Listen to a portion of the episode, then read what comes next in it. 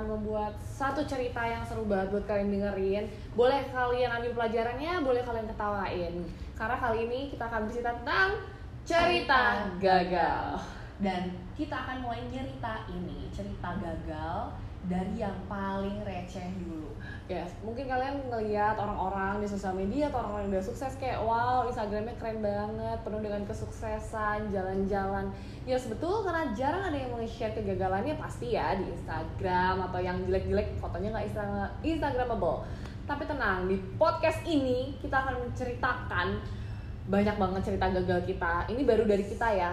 Yang kita yakin juga di luar sana banyak yang mengalami kegagalan dan mungkin kalau kalian juga salah satu orang yang pernah gagal dan punya cerita-cerita gagal yang lucu, kalian boleh banget ya Yes. komen dan mungkin kita bisa ngajak kalian buat ceritain kegagalan kalian bareng di sini. Ya, mungkin kalau nggak bisa komen nanti kita bikin satu email di mana kalian bisa nyeritain cerita kegagalannya dan nanti bisa kita ceritain. Betul. Nah, mulai dari kegagalan kita yang paling receh, aduh udah banyak banget ya sebenarnya kegagalan kita. Sebenarnya kita list sih kayak ada men ternyata banyak banget kalau ternyata diinget-inget ya. Untungnya tuh kita sebagai manusia uh, memorinya terus uh, bertambah. bertambah gitu ditutupin yang lain jadi kita benar-benar nggak harus selalu mengingat kegagalan kita hanya yang besar-besar aja tapi ternyata kegagalan kegagalan yang receh ini Kan selalu kita ingat dan tidak bisa kita lupakan. itu juga lucu sih jadi kayak untung aja gue masih inget guys Ini adalah satu kegagalan yang menurut gue aneh tapi nyata dan gue nggak nyangka sih gue bisa gagal sama project yang ini.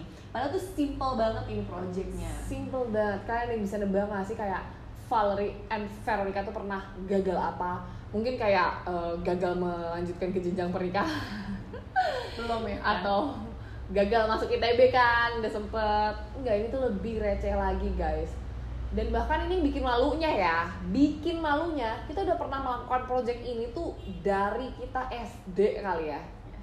yaitu adalah berdagang Yes, jadi kita suka banget jualan karena dari dulu tuh kita pengen jadi entrepreneur emang kayak papa kita, Mm-mm. pengen banget jadi pengusaha. Kita suka dari- jualan. Dari jualan kita udah eh dari jualan. Dari kecil kita udah suka jualan. tepatnya bahkan dari TK kita tuh dulu seiseng itu kita pernah jualan bikin ini ngelepet-ngelepetin origami jadi amplop. Terus kita tempelin manik-manik kita jual itu 300 rupiah 500 rupiah. Itu jualan pertama kita ya. itu jualan pertama kita banget. Itu waktu eh, SD SD SD SD kelas 1 Kalau sebelumnya oh ya, iya kan dari SD. itu udah yang paling kecil Udah paling kecil. dan udah berbagai jenis jualan kita lalui dan kita selalu cuan juga selalu cuan bisa sampai 100%, 200% cuannya gitu. lumayan lah ya buat nama-nama duit jajan, nama-nama tabungan. Tapi pas kita udah masuk ITB nih ya kan, kita berdagang lagi nih. Iya, sempat sempat beberapa kali berdagang sih kayak kita sempat uh, jadi resellernya sepatu apa gitu kan, yang sepatu yang dulu terkenal itu yang dari karet biar kalau kena becek tuh uh, tinggal dilap doang gitu kan. Terus kita sempat jualan apa lagi ya? Paling inget sih gue jualan itu sih jualan Crocs ya mungkin kalian itu pas kuliah tadi kita- sensor sekarang lu sebut Ya gitu. sudahlah sudah tak ada juga sepertinya dia. Ada deh. Ya nggak Ada, ada. Terus eh itu jualan apa lagi ya? Kita jualan Kayak pas kuliah nggak terlalu banyak Nggak terlalu ya karena banyak kita deh. udah udah agak ke sibuk. banget dan itu juga kebetulan banget kita sekosan sama orang yang reseller. reseller, reseller juga makanya kita ditawarin. Nah terus ada ide nih karena kita juga eh, suka bikin event kita kenal sama salah satu vendor yang juga sering masang barang-barangnya di suatu event. Tawarin lah selotenan lo mau nggak jualan? Gitu kan. Mendapatkan sebuah kesempatan kalau namanya naluri pengusaha pasti langsung akan gue ambil ya kan kesempatan itu dikasih tenan gratis gitu loh di sebuah acara langsung aja kita jualan apa aja berarti kan tinggal modal eh, barang dagangannya doang kan kita Hmm. jualan apa ya yang pasti laku guys Nah, jual makanan. Ya dong. Kalau misalnya tanah-tanah gitu, terus waktu itu tuh lokasinya tuh di eh, Buah Batu, di satu universitas di Buah Batu, lagi bikin event, eh, kayaknya musik deh. Terus ya udah kita okein, kan gratis nih, berarti gue cuma tinggal modal eh, makanannya doang kan. iya akhirnya aku Tau cari-cari. idenya apa ya?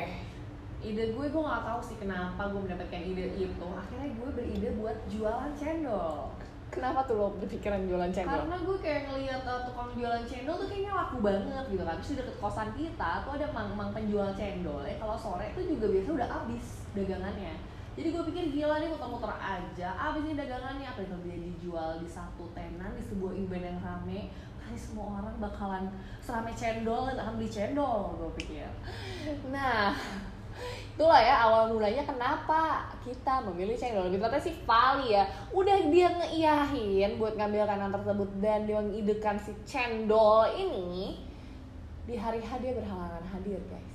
gue lupa banget kenapa gue berhalangan hadir Mungkin gara-gara abang none atau mungkin gara-gara praktikum dia gak bisa ditinggalin.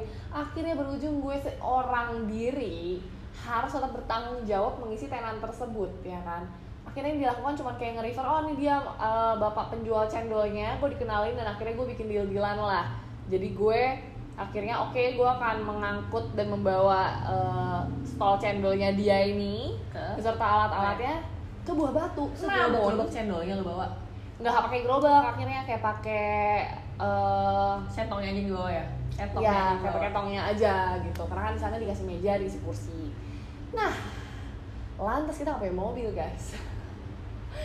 Kita nggak punya mobil. Iya, apa itu? Mobil siapa dong? Mau bawa itu mau ngangkut bapak ibu sama segala macam perintilan cendol. Kita belum punya mobil. Akhirnya untung gue punya uh, adik kelas bernama Cindy yang waktu itu satu kosan sama kita dan dia punya mobil akhirnya gue pinjam lah tuh mobilnya Desa ya kan? Untung udah bisa nyetir juga nih walaupun belum punya mobil. Dan janji sama ibu bapak ini pagi-pagi buat ke uh, Ono. Ke Buah Batu ya kan? Nyampe ke sana untungnya nih masih ada untungnya nih gue orang Jawa nih masih ada untungnya. Nyampe sana oh kira ya kayak masih setup gitu. Kan sepi banget ya gitu. Terus tenannya juga nggak terlalu banyak nih. Oh alhamdulillah nih tidak banyak pesaing tidak ada yang jual cendol juga disatuin lah kita sama salah satu kenalan si vendor ini juga ngajakin satu kakak-kakak anak ITB juga. Dia tuh jualan bakso. Lo kebayang gak sih? Dia sendirian jualan bakso betapa ribetnya itu bakso. Kan ada perintilannya ada sambelnya ada kecapnya ada selebrinya bawang gorengnya. Kebayang banget sih. Dia kayak jualan bakso cuy sendirian. Tapi lumayan sih idenya menyatukan penjual bakso dan penjual cendol. Pasti bisa makan bakso cocok banget tuh makan cendol. Iya, harusnya begitu ya di pemikiran kita. Udah nyampe ke sana tuh gue udah pesen kalau nggak salah sama si bapak ibu gue tanya, Pak biasanya jualan cendol berapa gitu kan sehari, ya kan? Berapa cup gitu? Kalau nggak salah nyampe seratusan cup gitu, 200 sampai seratusan cup. Oke, ceritanya gue beli putus kan, kayak oke gue beli semuanya dan gue akan uh, jualan di sana. Kagak mikir bagi hasil, kagak mikir apa-apa, udah berasa bakal laris aja soalnya guys. kan kita taunya dia si itu selalu habis tiap hari. Di posisi dia di mana orang udah tahu dia biasa muter-muter jual cendol ya kan? Nah kali ini gue bawa tuh cendol ke buah batu. Tiba-tiba bos. Hujan bos. Aduh terus acaranya gerimis bubar gitu gerimis bar? Lu bayangin ya di Bandung udah dingin-dingin kira-kira makannya apa? Nggak mungkin dong lo makan es cendol mau sakit tenggorokan? Lo pasti kayak wedang ronde kek gitu kan? Jahe susu jahe atau nggak kopi deh kopi gitu. Berujung guys gue di situ cuman kayak lebih banyak diam menahan malu. Tidak ada yang beli channel gue kecuali bapak-bapak yang lewat karena kasihan. Dan bahkan event itu pun sepi pengunjung jadi gue kayak mau marah sama panitia gue gratis juga gitu kan. Tapi misalnya gue ngeliatnya channel-channel kagak laku gue sedih juga ngeliat si bapak sama ibu udah penuh penuh harap gitu kan ceritanya kita bawa dia menuju kesuksesan tau-tau menuju ke ini lagi kerugian cuy. Bener-bener ya udah mending hujan. akhirnya orang-orang yang lagi ngantri lagi pada mau diperiksain itu tiket bla bla bla pada lari tuh masuk ke dalam GSG-nya kan gedung serbagunanya tuh mau nonton band metal band ternyata band jadi guys. Lo tahu kan penonton band metal kayak gimana? Yang pakai baju kaos hitam-hitam tuh ya kan? Iya tuh. Kaos hitam itu kaos hitam-hitam. Terus yang agak-agak ya metal lah pokoknya. Yang kayaknya sih mereka udah bawa bekal gitu dari rumah. Ini ada sound effect bersin ya? Anak metal bersin. Dan ternyata ada saingan yang paling parah di sana. Gue tahu apa cuy. Apa? Indomie. Bet bener banget bet bukan hanya Indomie. Ada truk Indomaret bos. Parkir.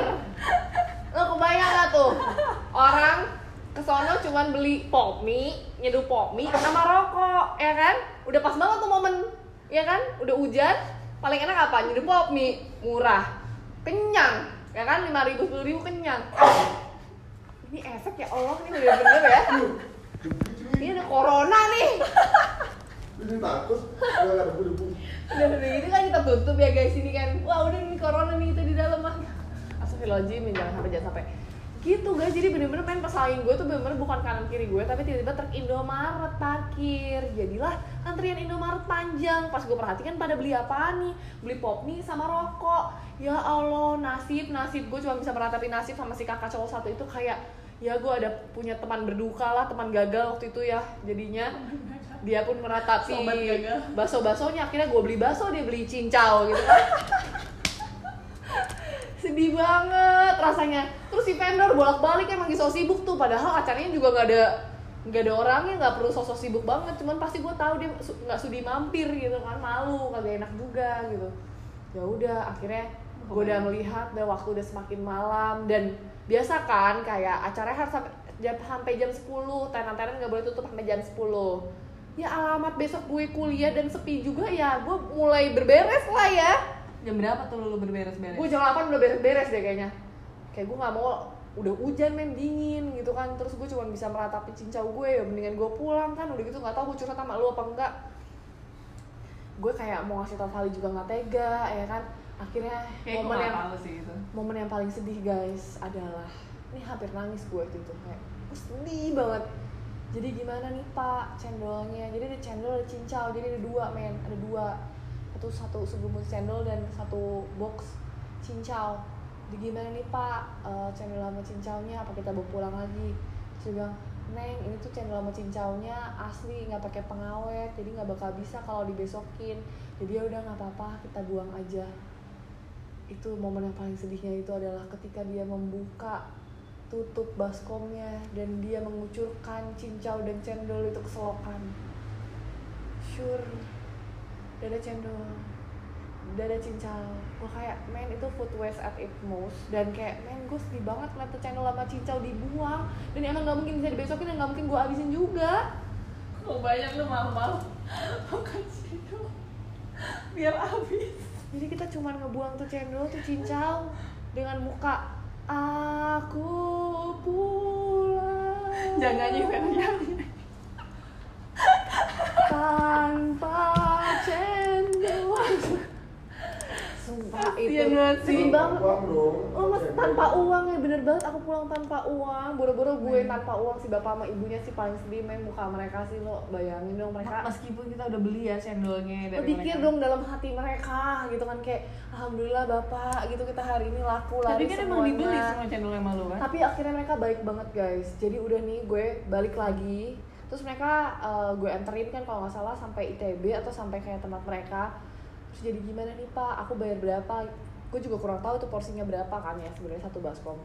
Ya udah deh neng bayar modalnya aja. Akhirnya gue cuma bayar modalnya doang. Itu kayak 300 ribuan gitu semuanya. Ya allah gue sedih banget. Pasti dalam hati mereka kayak ih kalau aja kita cuma jualan di Cisi itu muter-muter udah laku nggak kehujanan dapat untung. Ya ya ini si dedek kembar sok-sok bawa kita ke buah batu. Ambiar pasti Coba guys, gue cuma bisa denger ceritanya dan kayak hari itu dia nggak cerita deh gara-gara tahu gue juga lagi sibuk. Pokoknya pulang-pulang gitu dia kayak lo tahu nggak kemarin gitu. bayangin Oh iya laku berapa cendolnya? lima lah lima sama bapak-bapak polisi yang nggak tega dan ngajak ngobrol gue doang gitu karena gue cewek kasihan Sumpah sih ini gue merasa nggak tahu malu apa gimana gitu pas tahu dia nggak laku jualan cendol dan Sedangkan- gara-gara hujan. Sedangkan kita biasanya kalau jualan tuh kan selalu cuan. Tapi ya sedih banget sih itu gue pas tahu cendol-cendolnya harus dibuang. mungkin ini bener-bener jarang tahu mungkin temen gue aja nggak tahu gue jualan di sana saking gue malunya gue nggak bilang-bilang gitu kan gue mau jualan cendol dulu ya guys gitu enggak udah gitu nggak kejual jadi gue bener-bener kayaknya nggak ada yang tahu deh satupun teman-teman kita. Gue pernah melakukan hal ini. Nggak ada yang tahu. Guys ini ya kita baru cerita sekarang adalah sebuah kegagalan kita yang paling receh itu adalah gagal jual cendol. Nah kira-kira kegagalan kalian yang paling receh menurut kalian apa? Bisa banget mungkin kalian emailin ke mana ya? Kita bikin email ya. Yes, kalian bikin email hit us dulu di valerie.veronica@gmail.com yang paling receh bakal gue jadiin podcast selanjutnya. Oke? thank you so much udah dengerin. See you in next episode. Dadah